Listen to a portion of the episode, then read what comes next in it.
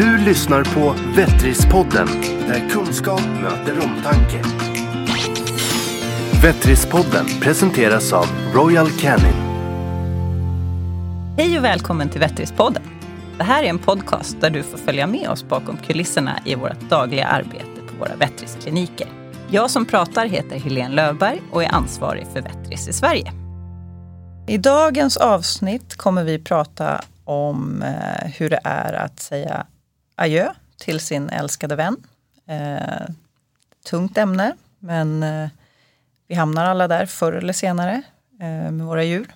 Tillsammans med mig i studion idag har jag Patricia Riselius från vår veterinärklinik i Umeå. Hej hej! Hej! Eh, Patricia, eh, det här med eh, att ta bort sina djur Mm. är ju inte en, en lätt fråga. Och Nej. en kanske en, en eh, oro man bär med sig Mm. länge. Oro så, så pass skräckinjagande så att det kan bli en viss förnekelse också. Många gånger. att De blir ju inte lika gamla som vi. Hur väl vi än tar hand om alla djur och hur gärna vi vill så blir de ju inte våran livstid. Eh, många, eh, ibland så är det ju så att djuren råkar ut för en olycka. Det går fort. Eh, det är dramatiskt. Men vi har också väldigt många djur som faktiskt blir eh, gamla.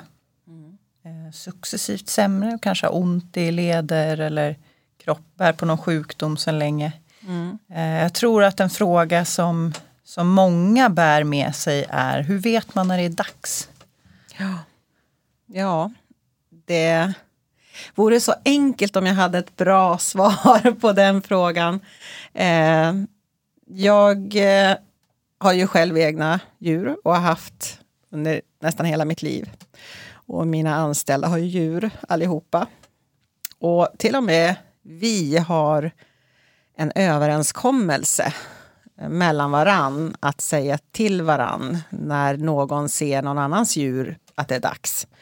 Eh, min sköterska till exempel har hänt att hon har påmint mig med en äldre hund som jag hade för några år sedan, en äldre katt och sagt att men Patricia, nu tror jag att det börjar vara dags. För till och med jag kan känna att jag blir för involverad och svårt att fatta beslut runt att senare är dags. Ehm, det jag brukar svara som ett råd kanske på just din fråga är väl när någonting börjar gnaga, när någonting inte känns bra. Eh, när det börjar smyga sig in en oro till en förändring, någonting håller på att förändras till någonting sämre.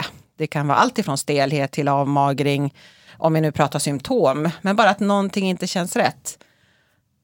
Det bästa som kan hända är att det bara blir en undersökning och vi inte hittar några fel och att det kanske bara är tillfälliga helt andra saker eller det kanske finns en medicin som kan hjälpa väldigt bra. Men det kan ju också vara så att man kan få beskedet att det här inte är någonting som är, eh, man ska fortsätta med utan att kanske att få somna in är ett bra alternativ.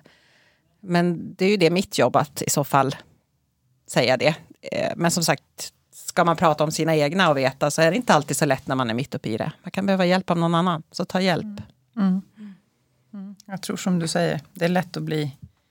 Jag har gjort precis som dina sköterskor. Mm. Eh, eller jag har känt när jag själv, när mina hundar har blivit gamla, de har haft lite ont i leder och rygg. Och jag har faktiskt också sagt till mina kollegor att snälla, säg till mig när ni ser att det, att det är dags. För jag tror inte jag kommer se det själv. Nej. Sen ska jag ju för sig ärligt säga att på något konstigt sätt med mina egna djur så har man gått och velat och funderat och tittat på dem varje dag. Hur ser det ut idag? Eh, har hon ont? Är det dags? Borde jag? Gör jag fel? Eh, och sen kommer en dag, man tittar på sitt djur. Och jag vet inte, det är nästan, det, man ser det nästan i blicken. Jag har känt det så tydligt eh, när jag har tittat i blicken på mina djur att det, det är dags. Mm. Svårt att säga varför men det är en process och den processen är ju oerhört individuell. Jag träffar ju dagligen djurägare med patienter som eh, får veta att deras djur kanske inte är akut sjukt så att det måste eh, få somna in samma dag akut. Men att de kanske får ett besked om att det är början till slutet. Det kan ju vara en cancersjukdom eller det kan vara en försämring av något vitalt inre organ. Hjärta, lever, njurar eller någonting som gör att jag kan säga att det finns en väldigt dålig långsiktig prognos. Men det kanske med lite tur kan funka några par månader eller några veckor eller vad det nu kan vara. Eh, och där är det ju väldigt individuellt. Vissa ägare kan ju känna att ja, men de tar så gärna den där tiden när de, djuret fortfarande mår ja, bra på så sätt att det äter och dricker, kanske kan få hjälp med smärta och så vidare.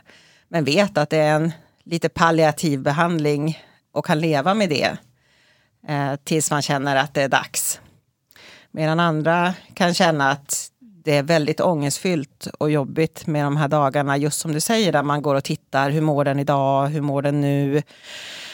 Vetskapen om att ja, men det här, så enkla saker som att det här är kanske sista fodersäcken jag köper. Ska jag köpa en fyra kilos eller en åtta kilos? Eh, alltså det blir mycket praktiska saker som hela tiden ligger och gnager. Mm. Eh, kommer den att leva över sommaren? Inte? Och, eh, praktiska saker som kommer in.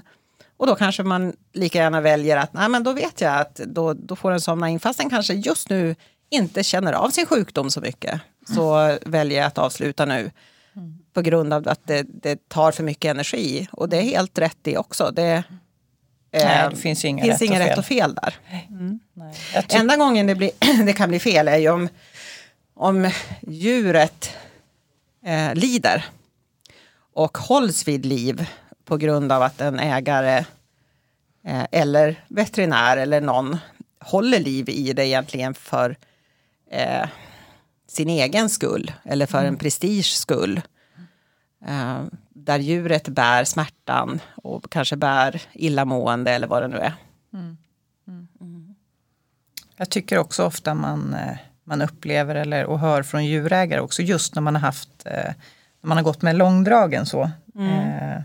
Inte i de fallen där djuren, eller jo, i båda fallen faktiskt. Eh, men om man har gått länge och vetat att det är oundvikligt, det kommer hända. Mm. Eh, kanske inte imorgon men om en månad eller två. Mm. Eller, och när man går mm. just sådär och, och våndas och tänker och analyserar. Mm. Att många gånger så det är ju en enorm sorg mm. förstås. Eh, men också en lättnad mm. efteråt. Ja. För att man bär ju med sig en konstant oro, ett stort, stort beslut mm. som man vet att man måste ta. Mm. Eh. Ja, och den, att bli medveten om det, för har man inte gjort det här förut och varit med om det så är det lätt att, att eh, inte riktigt veta kanske vad man väljer och väljer bort. Och folk frågar mig så ofta och jag svarar oftast det att det är upp till var och en. Eh, men också med vetskapen om att Eh, sorgen den dagen man har låtit sitt djur somna in. Sorgen efteråt är lika stor om det skulle göras nu som om en månad eller två månader. Mm. Sorgen blir inte mindre den dagen för att man håller ut och väntar bara för att. Eh, så att, att, för det, för det kan jag, jag kan förstå att, att det kan bli ett, en strategi och ett sätt att skjuta upp det. Därför det, det känns som att man kanske inte riktigt kan hantera sorgen och man skjuter upp det. För vem vill hamna där? Att liksom hjärtat slits ur kroppen och ta den där sorgen när man förlorar någon för alltid. Men den sorgen kommer man inte undan, även om man gör beslutet tidigare. Mm. Eh, vilket en del inte tänker på. Man tänker att man skjuter på det för då, då, känns det lite bättre, ja just nu. Men det kommer att bli lika ledsamt då. Mm. Mm. Ja, det är eh, samma man, sorg. Det man ska vara beredd på under tiden man väntar, det kan vara dagar eller veckor, eh, eller från det att man egentligen innerst inne har fattat beslutet men man bara går och drar på det, eh, är att det blir en typ av dödsångest som man går och bär på. Det blir liksom vägen till galgen på något vis som man går och drar på dag efter dag efter dag. Eh, och på mig, om vi nu ska prata väldigt personligt, jag är inte en person som kan leva med den, de, den vetskapen. Eh, när jag väl har förstått att det är början till slutet, då vill, väljer jag bort att gå och ha den ångesten. Eh, men det finns en del som inte tycker att det är så jobbigt och jag har helt full respekt för det, men jag väljer gärna bort den. Och eh, den, det säger många att den här, först är det ju en ångest att veta att, att man ska åka iväg och så, men sen den här som jag träffar ägare som kommer och är alldeles stirriga och knappt kontaktbara eh, och är inne i en väldig bubbla av en stor dödsångest precis när det ska till. Men att riktigt känna när sista andetaget är gjort hur, hur eh, det förvandlas till sorg. Mm. Det är en komponent där som ändras. Det blir mm. två olika, mm. två olika eh, känslobilder mm. att ta hänsyn till före och efter mm. precis sista andetaget. Mm. Det är ju också så faktiskt att många, man reagerar ju väldigt, väldigt olika eh, på sorg. Så är det ju och det är ju faktiskt de som, som är i riktig chock mm. eh, i den stunden de behöver ta bort eh, sina djur. Mm. Faktiskt. Ja, det finns alla, alla varianter. Det finns människor som inte visar en min. Eh, och det finns människor som springer upp i bilen och, och liksom, man hör hur de bryter samman på väg ut genom ytterdörren.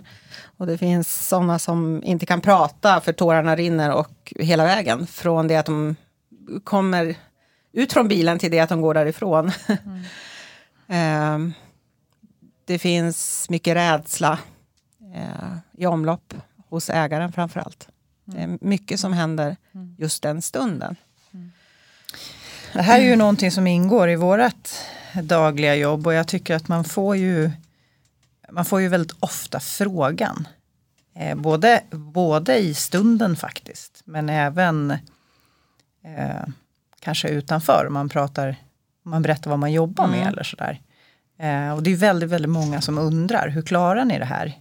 Hur orkar mm. ni göra? Mm. Jag skulle aldrig klara av eh, att göra det här. Eh, hur tänker du?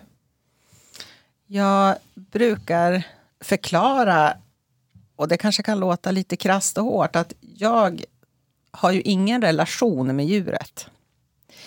Jag kan ha en relation med djur på så sätt att det kan vara patient jag har känt sedan många år och kanske varit med från när den var liten och på därigenom känna en eh, ömhet eh, och en sorg förstås att, att det blev gammalt och tidens gång och allt det här. Men jag sörjer ju inte individen, den har ju inte bott med mig. Jag har ju ingen personlig relation. Eh, så jag upplever ju inte det ägaren upplever för varje patient som jag eh, låter somna in. Eh, däremot de situationer som kanske tar mig hårdast, om vi nu ska prata eh, sorg, det är när jag ser ensamma människor som kommer. Gärna människor som går hem helt ensamma, kanske inte har någon annan att prata med.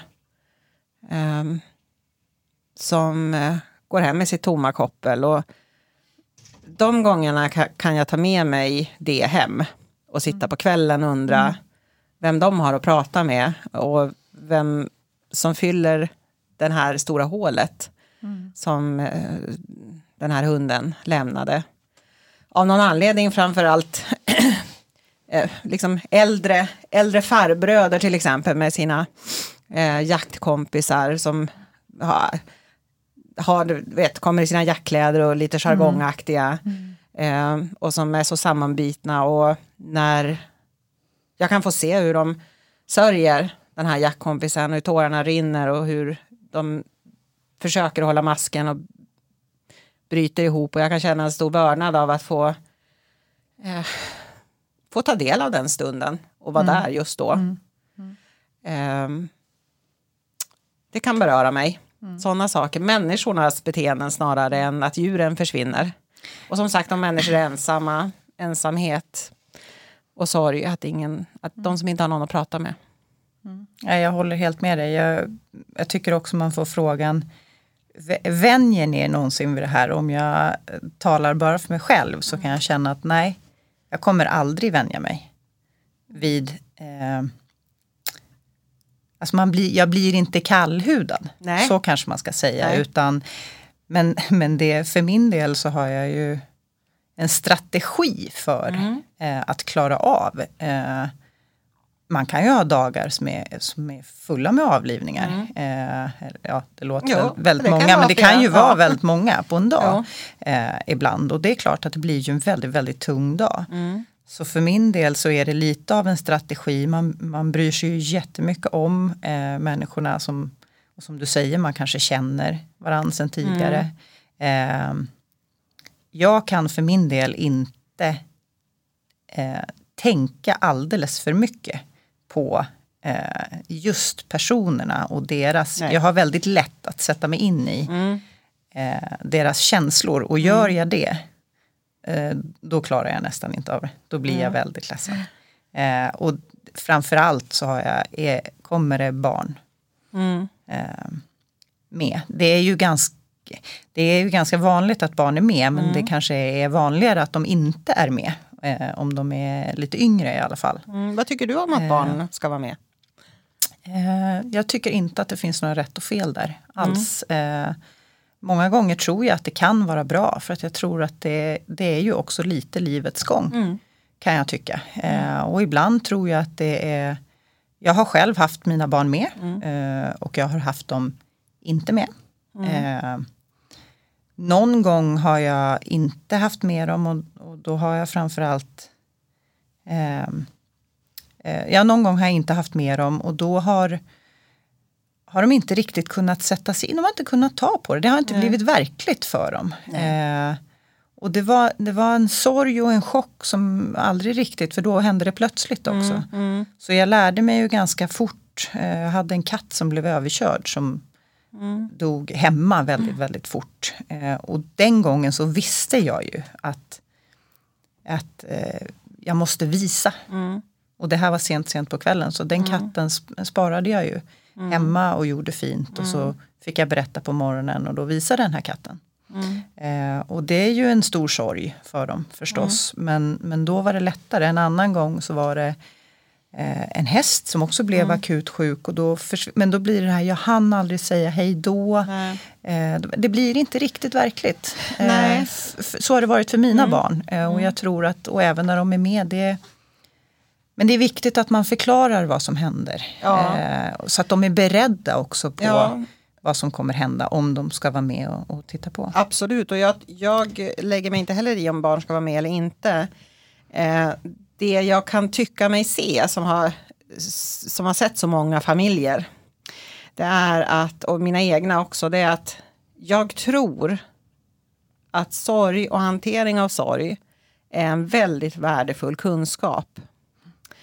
Eh, att hantera att vi skiljs och att nära och kära går bort. För det är ju så att det gör ju generationsvis vi människor också. Mm eh, är någonting som är naturligt. Och ett, ett gammalt djur, låt oss säga att det inte är så traumatiskt, men i, om vi nu pratar naturliga dödsfall eller att, att få somna in, i, så är det ju så att det är i djurets fall är gammalt och det är naturligt och det är livets gång. Mm.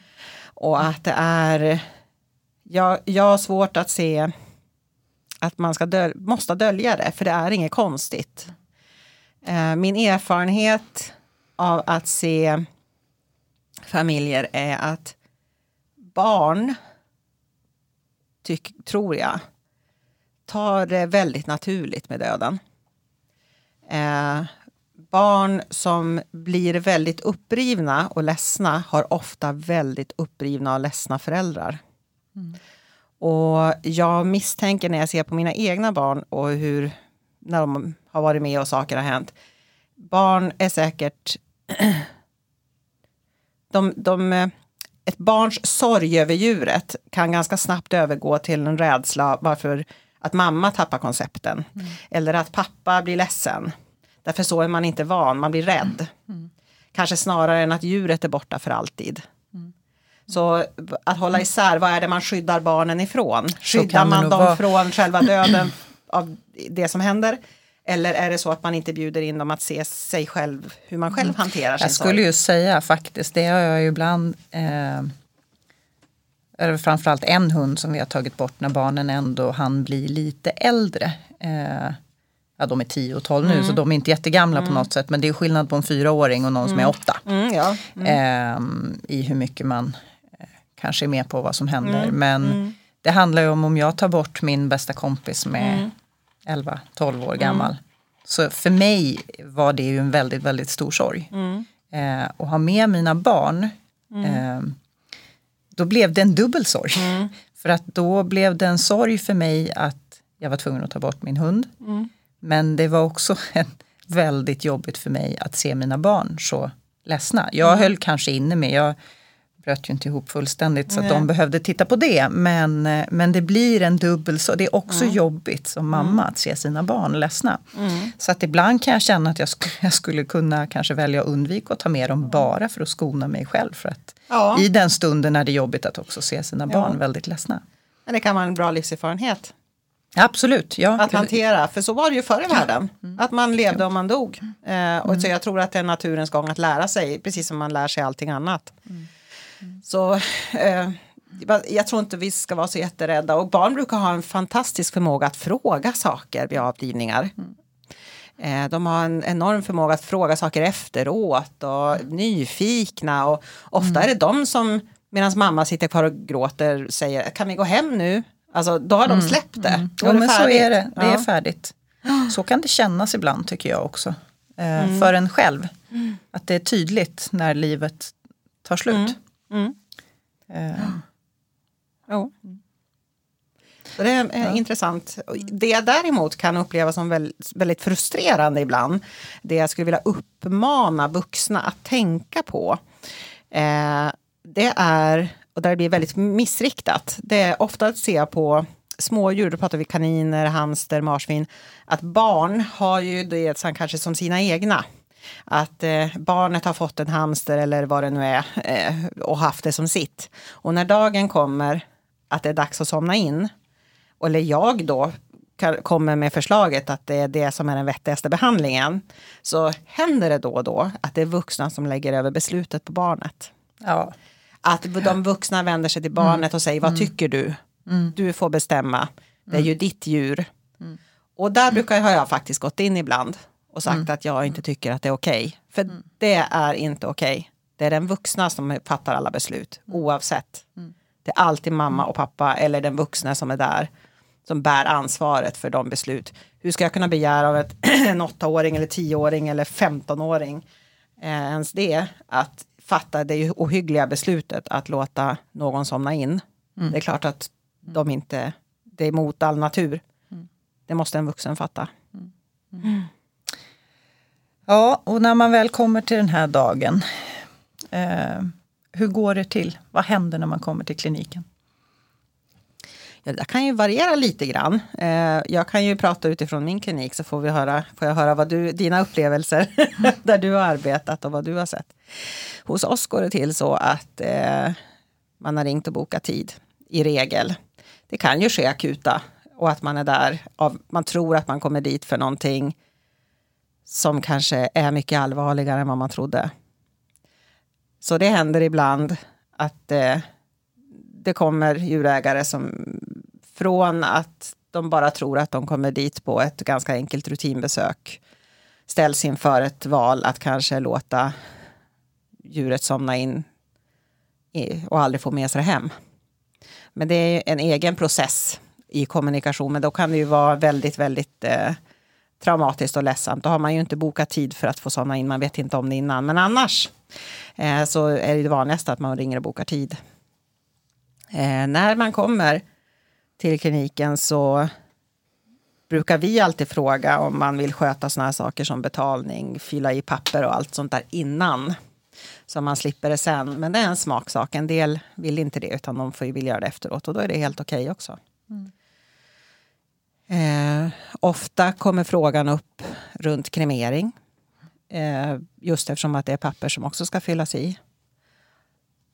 Om, eh, man är ofta frågor om vad, vad händer med kroppen efteråt. Mm. Vill man då lämna så är det hos oss kremering som är alternativet. Vi kan ju inte hantera döda kroppar eller göra någon annanstans av dem än att hjälpa till med kremering. Och då finns det antingen en allmän kremering som eh, kremeringsföretag kremerar flera djur tillsammans och strör askan på något område som det kremeringsföretaget har fått som be beslut att kunna få sprid, sprida aska. Eller så kan man begära enskild kremering, så kremeras bara sitt djur. Och så får man tillbaka det då i en, en liten urna. Så att eh, det med lite olika kostnadsförslag är ju ofta det som kommer upp som en fråga i samband med att man skriver in och så. Mm. Och då är ju den här enskilda eller separat kremering eh, ett väldigt, ganska mycket dyrare alternativ. Va?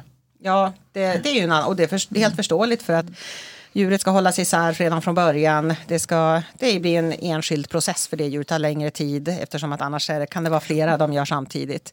Och det ska tillbaks och fram och tillbaks. Och, och väldigt noggrann rengöring av ugnar ja, också. precis, emellan. så att det inte blandas. Att... Många krematorier gör ju bara det här någon, en specifik dag i veckan. Ja. Också för mm. att det är så pass mycket hantering runt omkring. Mm. För att det ska bli rätt och riktigt ja. för alla. Och jag vet att eh, om vi nu pratar priser så har det gått upp eh, kremeringspriserna generellt och det har jag fått förklarat att det är för att det har blivit så många nya mm, miljöregler runt okay. Eh, mm. eh, bränsle och reningsverk och så vidare. Mm. Så att det, det, det, det är ju sånt som hela tiden sker med utveckling. Mm. Men det ju, får man ju då siffror på. Eh, för det kan skilja lite beroende på vilken vikt djuret har. Mm. Tyngre djur blir dyrare. Eh, sen får man följa med inne på ett rum. Eh, och eh, där kan det ju skilja sig då lite grann om det är en katt eller en hund det gäller. Eller kanin till exempel och marsvin. Kaniner kan man ju sticka i ett kärl i ett öra om det är tillräckligt stora öron. Och ge eh, en överdosering av ett sömnmedel den vägen.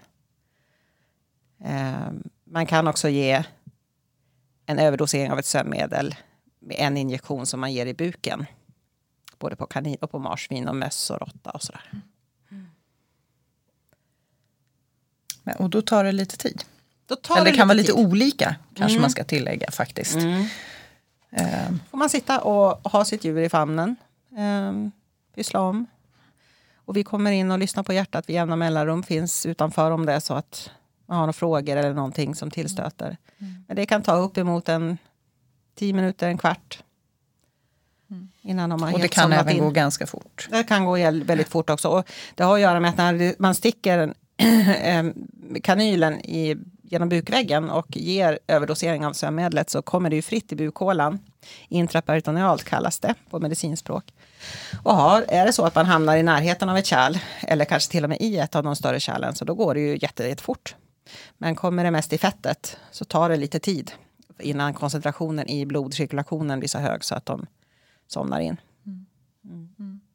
Och när man ger det här sticket så ger man ju inte lugnande innan. Inte på när man sticker i buk. Kaniner, marsvin, de skriker alltid. De tycker det är obehagligt när man ger en injektion. Och då är det bättre, tycker jag, att bara ge en än att hålla mm. på och ge flera. Mm. Det går så pass fort och det är så pass fina nålar så att det, brukar, det är mest hanteringen, att bli fasthållen som kan mm. vara. Men det går mm. på några sekunder mm. och sen får man komma till mattesvann igen och somna där. Mm. Ja, så även om just det kan kännas lite obehagligt så, så som du säger, sticket är i, oundvikligt. Ja, det är det.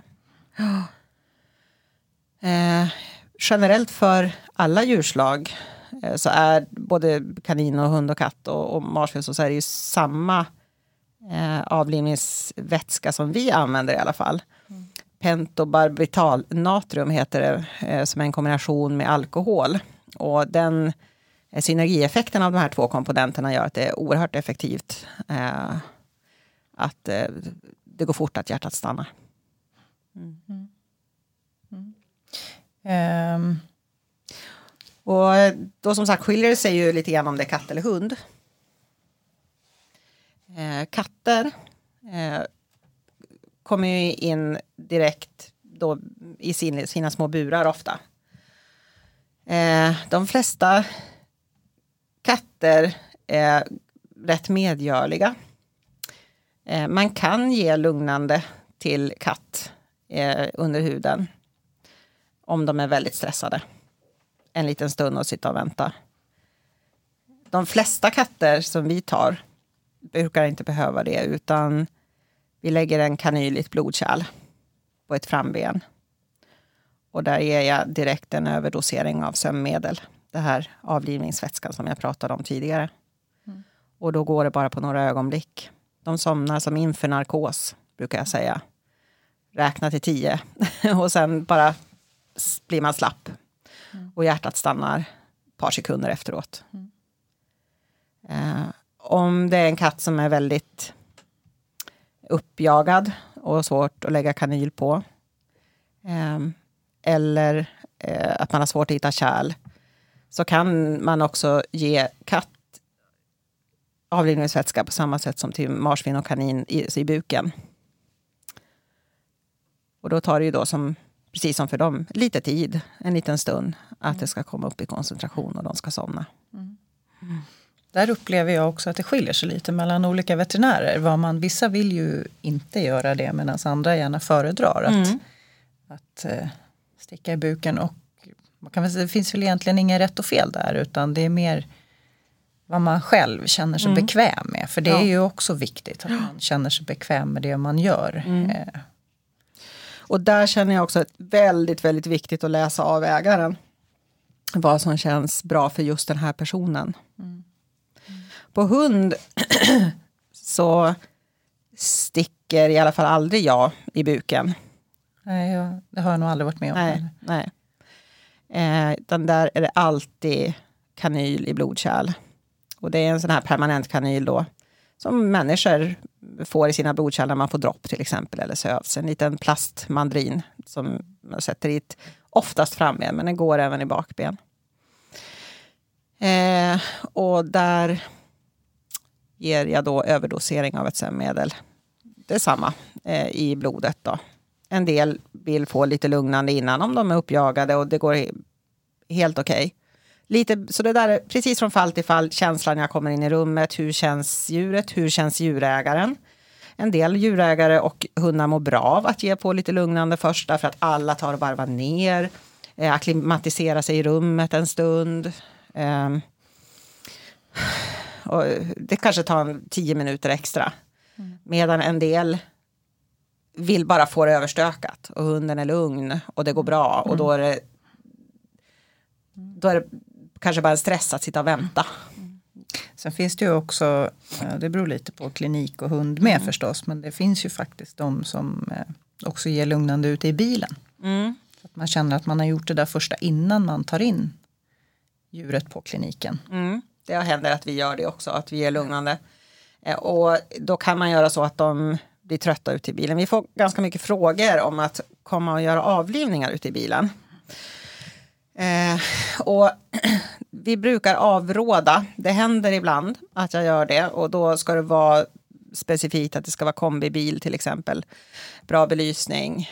Eh, och det är det att man, den här kanylen som ska läggas är ju essentiellt för att det här ska lyckas och bli bra. Det man inte vill ha vid en avlivning av hund, specifikt tänker jag på som att det är det som man alltid ger intravenöst. Det är att man kommer utanför kärlet. Därför mm. att det svider. Och är det så att man inte får i hela dosen som man vill få i så kan det bli så att det blir en mellaneffekt. Att det blir en, en effekt som snarare eh, kan, eh, de kan excitera eller de kan bli vad säger man? Snedtända, Oro, kan man snedtända, säga, blir väldigt, väldigt eh, hysteriska. Eh, och har man då inte eh, en infart i ett blodkärl som fungerar och lägga då en ny kanyl eh, mitt i allt det och en hund som kanske hugger vilt omkring sig och det gör ont och det, det är en sån här katastrofscenario. Som är Och blir ju absolut oerhört. värsta mardröm. Det är din mardröm men det blir ju oerhört dramatiskt Ja. för djurägaren ja, också. ja, Det, där, det vill man ju inte. det vill man verkligen inte. Så kanylen, hur lite den kan tyckas, är så otroligt viktig för att jag ska kunna göra ett bra resultat i mitt jobb. För, och då menar jag så att jag ska kunna genomföra det här på ett proffsigt sätt. Det ska vara så lite traumatiskt som möjligt för både hund eh, eller djur och människa. Mm. Så att jag vill, vill ha bra belysning, bra arbetshöjd, eh, bra assistent, helst med mig. För att jag vet att jag ska få i den här kanylen. Och där, det brukar vara mitt argument till att inte krypa omkring in i baksätet på en bil till exempel. Eh, eller i mörkret ute i ett bagageutrymme. Det kan ju också vara ett riskmoment. Ja, eh, det också. Men, men om, om, för, om inte annat den, att jag vill veta att kanylen kommer i. Eh, så vill jag gärna vara i underkontrollerade former. För det är så viktigt för slutresultatet.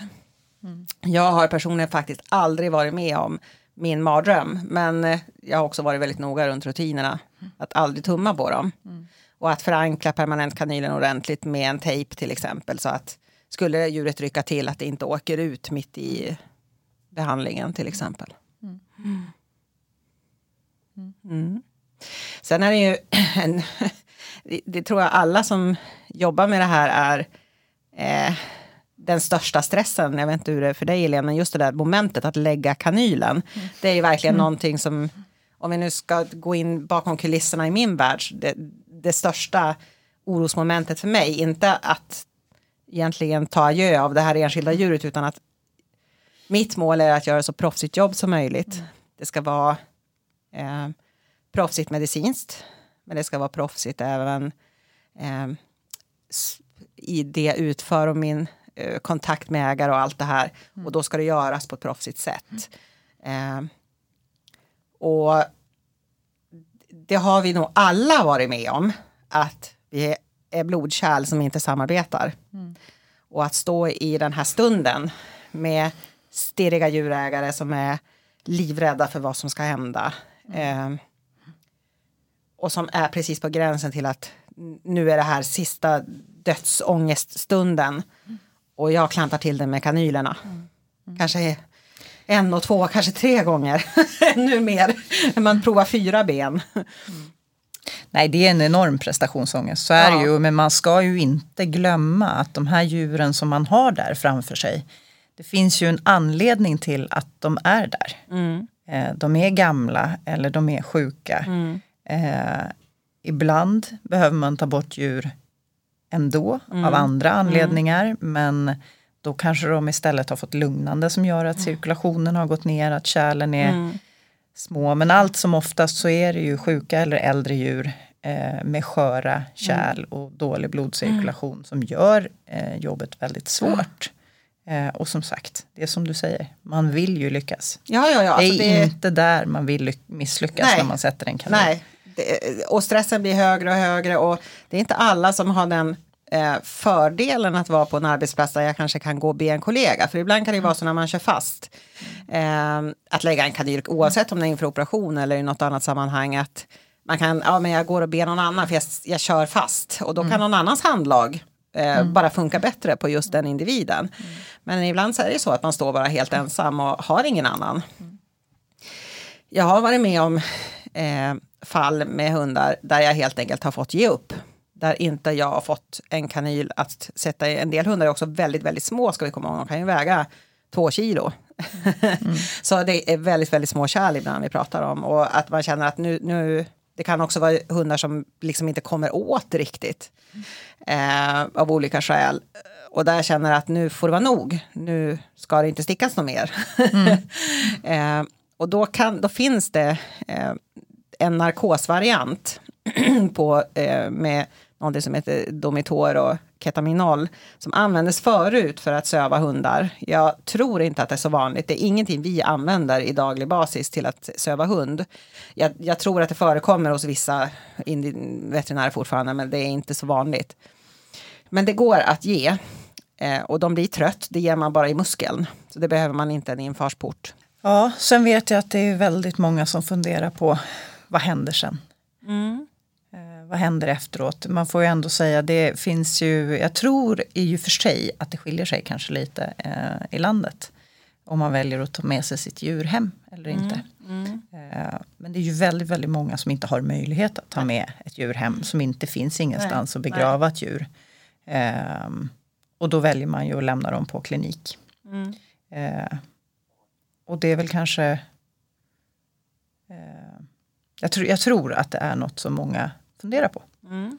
Eh, vad händer när man går därifrån? Som, vad som, precis, vad mm. händer sen? Mm. Eh, min upplevelse och jag tror att det är eh, alla, alla vi som jobbar i den här branschen eh, gör det ju som sagt eh, för att vi brinner för djur eh, och vi värnar om dem och det är väldigt viktigt med handhavande även när djuren är borta. Mm. Det är ju inte så att när djurägaren har lämnat och gått därifrån så, så släpper vi eh, alltihopa. Och, eh, eh, utan eh, omtanken om djuret finns ju kvar och mm. värdigheten finns ju kvar även efteråt i hanteringen hela vägen. Mm. Eh, och det kan ju se lite olika ut på, på djurkliniker beroende på storlek och, och så men eh, det vanligaste är ju ändå att ett krematorium, att, att de tillhandahåller ju ofta transporter. Mm. Och hämtar mm. en dag i veckan eller två, lite beroende mm. på hur stor kliniken är. Mm. Eh, och så måste man ju förvara kropparna då. Mm. Eh, hur gör ni hos er? Mm. När eh, eh, sista sprutan är gjord eh, och man kommer till det där stadiet som jag beskrev tidigare när liksom musten eh, går ur, proppen går ur och stora tårarna kommer och den här stora sorgen väller in eh, för djurägarna. När liksom, jag säger nu är det klart, nu har hjärtat stannat. Eh, så brukar jag försöka att eh, låta vederbörande få en stund i fred. Jag brukar i stort sett bara backa ut, låta dem få en liten stund i rummet, ta adjö, det, göra det de här mattarna och hussarna behöver för att få den där första, sista stunden tillsammans. Och sen eh, är det ju beroende på vad man har bestämt då, just om man förutsätter att de ska lämna. Att eh, de får sitta i lugn och ro och det den behöver. En del behöver sitta ganska länge. Andra vill ut så fort som möjligt. Och hem. Vissa vill inte lämna djuret heller. Upplever jag är ganska vanligt. Vissa, mm. vissa lämnar ju rummet medan andra vill att man ska komma tillbaks innan de går. Mm. Ja, alltså vi kommer tillbaks. Det är det att vi, jag backar oftast ut direkt och så sen mm. bara på den här, någon minut så knackar vi på och så säger ni får stanna så länge ni känner att ni behöver och så vidare. Mm. Eh, säg till när ni går bara. Eller om det är något ni undrar. Mm. Och så sen får de sitta. Och ändå hör jag en del gå direkt. Eller en del vill sitta ganska länge. Eh, och när det, rummet blir tomt och djurägaren har gått hem så tar vi hand om kroppen. Eh, det vi gör då är att vi förvarar den i ett kylutrymme tills dess att kremeringsföretaget kommer och hämtar. Och som du säger, de brukar hos oss komma en gång i veckan så vi vet vilken dag det gäller. Mm. De är väldigt samarbets, samarbetsvilliga och vi har en bra relation med kremeringsföretaget. Så om vi ska prata rent praktiska saker så händer det ju ibland att det är väldigt stora hundar till exempel. Eller att det helt enkelt är fullt och då kan man ju ringa åt dem så kommer de en extra gång. Mm. Så det brukar alltid lösa sig. Mm. Uh, men i, i det här kylutrymmet så ligger de tills kremeringsföretaget hämtar och då följer ju den här lappen med där det är bestämt om kroppen ska tillbaks efter kremering eller om den ska för allmän kremering och så vidare. Så det är liksom en ID-lapp som följer med vid mm. vederbörande mm. djur hela mm. vägen då, som vi märker dem. Mm. mm. Värt att nämna kan ju vara, det beror ju också helt på var man bor och vilken typ av krematorium som finns i närheten. Men Eh, vissa krematorium har ju faktiskt också eh, så man kan lämna djuren till dem. Ja, Om man som privatperson faktiskt vill ta med sitt djur från Ja. kliniken och lämna direkt till ett krematorium så kan den möjligheten också finnas. den kan finnas. Och kolla det på det borde finnas hemsidor och så ehm, på just det kremeringsföretag som är ansluten till just eh, den region man bor i. Mm. För en del vill ju inte heller att man kommer när som helst. De kan ha inlämning vissa tider för de kan ju vara ute och hämta och så vidare. Att Man kan inte bara åka dit. Absolut. Hur har du gjort med dina egna djur Helene? Har du kunnat Eh, ta ja. det sista steget själv? Eller? Ehm, menar du eh, själva Mm. Ingreppet? eller ingreppet? hjälpen? Ja. Jag har gjort det en gång. Mm. Jag tyckte att det var väldigt jobbigt. Mm. Fint kan man kanske tycka. Jag tyckte att det var väldigt jobbigt. Mm. Eh, men hon var så pass dålig så att jag kände att då, eh, vill jag göra det själv. Mm. Eh, jag tror inte att jag kommer göra det igen själv. Eh, jag fick lite för mycket ångest Okej. eh, under eh, av att ge själva sprutan. Ja. För att jag började tänka på vad det var jag gjorde. Mm. Eh, och då får man ju inte ångra sig på halva Nej, vägen. nej. Och det, för henne fanns det absolut ing, det fanns ingen Nej. återvändo. Hon var väldigt, väldigt sjuk. Eh, så att jag gjorde det, men jag hade ganska mycket ångest efteråt över att jag själv hade gjort det. Okej. Eh, Så att jag, jag har, annars har jag ju i och med att man har fördelen att vara i den branschen man har så har jag ju väldigt nära vänner som kan hjälpa mig och det är också väldigt fint. Eh, men jag tycker att all personal som jobbar med det eh, det är ju väldigt fina människor. Och alla gör det med värme så att, så att oavsett så, så blir det bra. Men eh, som svar på din fråga, ja, en gång. Mm. Eh, Men det var jobbigt. Mm. Och framförallt efter. Jo, nej, jag har nog, jag har tagit bort flera egna djur, både hundar och katter. Och jag kommer nog fortsätta med det i möjligaste mån. Och kan tyckas konstigt, men för mig så har det känts väldigt skönt att få vara alldeles själv och i fred.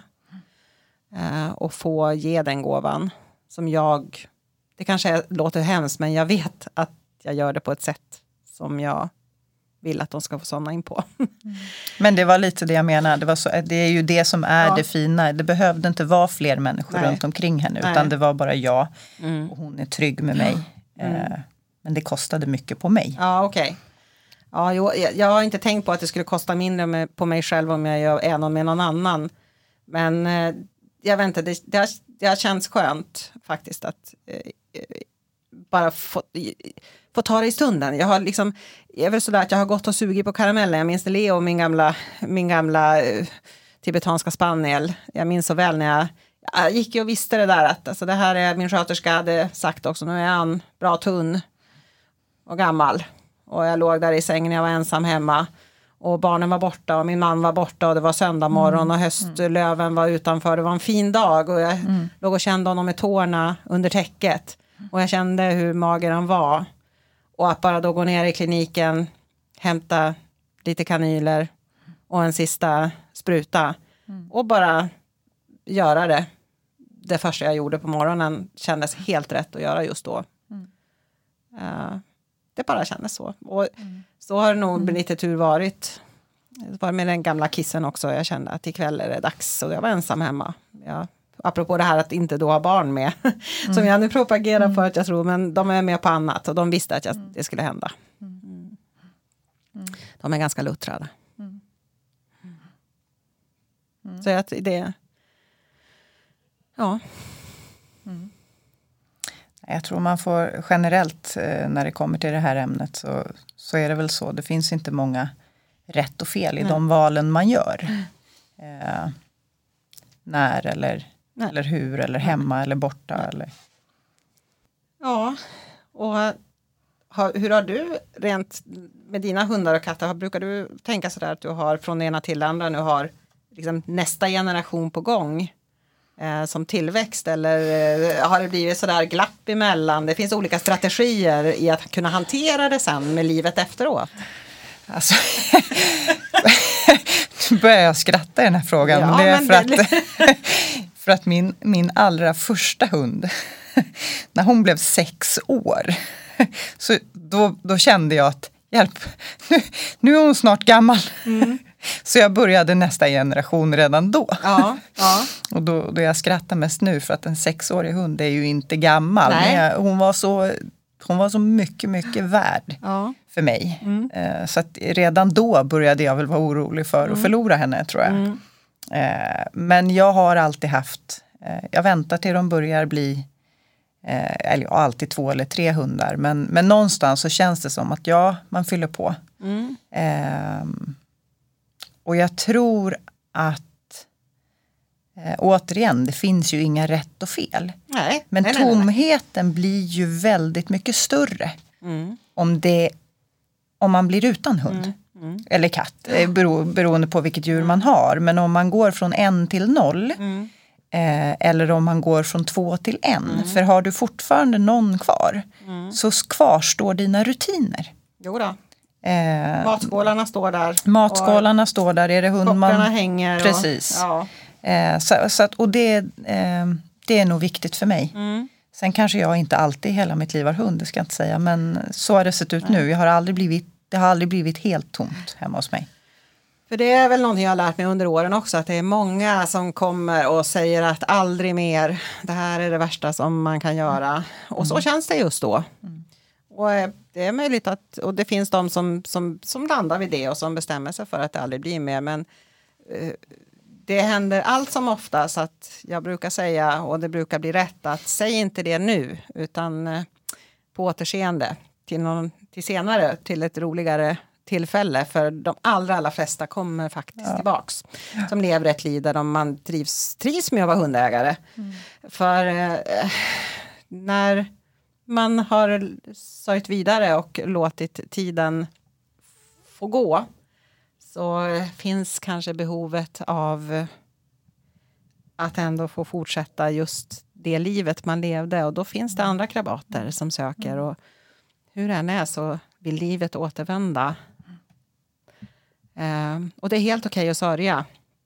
Och att sörja visar ju bara att man har älskat, tycker Ja. jag. Ja, Så det är ingen skam i det, tvärtom. Det är fantastiskt. Det visar hur mycket kärlek och förälskelse man har haft i det här djuret.